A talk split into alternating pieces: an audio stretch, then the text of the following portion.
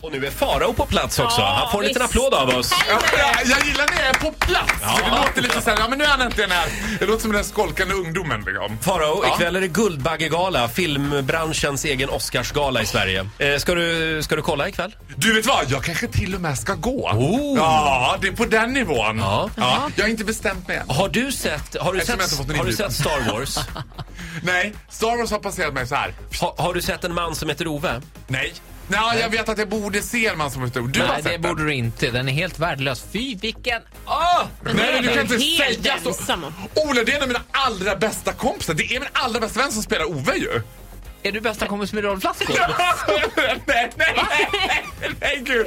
nej, inte Rolf Lassgård. Men innan, Ro- innan Ove blir Rolf Lassgård så är han ju en ung Ove som spelas av den Filip Berg. rackaren. Ja, ja, ja, ja. Han Det det är är Filip inte Berg. jättedålig. Det är inte Rolf Lassgård heller, men det är en jävligt deprimerande film. Nej, Det hade jag varit en gillar väldigt inte. oväntad Jag vänskap såg med hur Rolf du och Roffe hängde.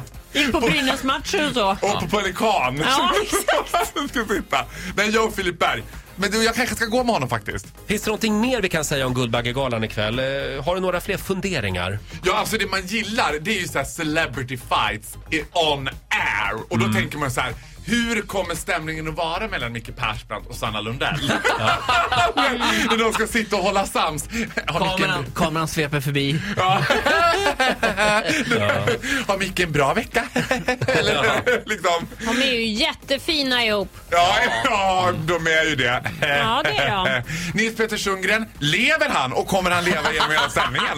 Ja, han är väl Det- typ över 90 eller något. Det är lite va? intressant att Det se. är alltså en Han dyker upp. legendarisk filmrecensent ska vi säga. En av de Men- mest spännande grejerna är ju alla de skämt som bara blir hängande i luften. Mm. Eh, Sådär, när någon rör sig genom publiken, skojar lite med någon skådis som visar sig vara jättepretentiös i de här Men sammanhangen. har, har inte publiken ändå på Guldbaggegalan blivit lite bättre? Det känns ju också som att Guldbaggegalan försöker Mm. hotta till sig lite. Att det är så här, jag tänker nu på så här Felicia Jankell, eh, på liksom de här lite yngre personerna som är nominerade. De är ändå nominerade till årets bästa kvinnliga huvudroll. Men förlåt, det bästa Guldbaggegalan någonsin.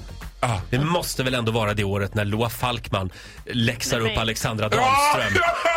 På, Det är när, så när jävla- fuck, fucking Åmål vinner en massa priser och Loa, storslam. och Loa Falkman säger Såja, såja lilla stumpan, gå och sätt dig igen nu. Ja, och klappar henne på huvudet. Alltså, Nej, det, det det, blev det, jättetungt det där. det är så jävla bra!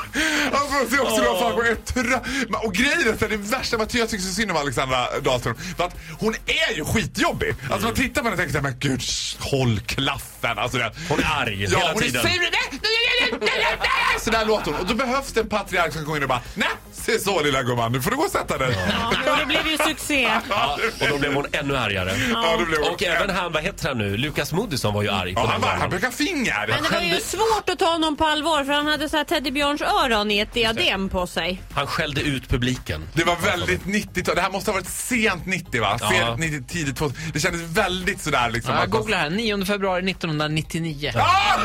Alltså! 1-0 Farao. Fy fan År vad och bra. år. Tack så mycket Faro. Eh, Vi kollar ikväll då på Håll Guldbaggegalan. ögonen för jag kan svepa förbi Ja. där i publiken sittande stelt bredvid Micke Per. Men jag kanske sitter mellan Micke Persson och Sanna Lundell. Ja, Får meta. förmodligen. Troligen. Hoppas de placerar mig där. Lycka till ikväll. Du får en applåd av oss. Ja, hej då! Här då.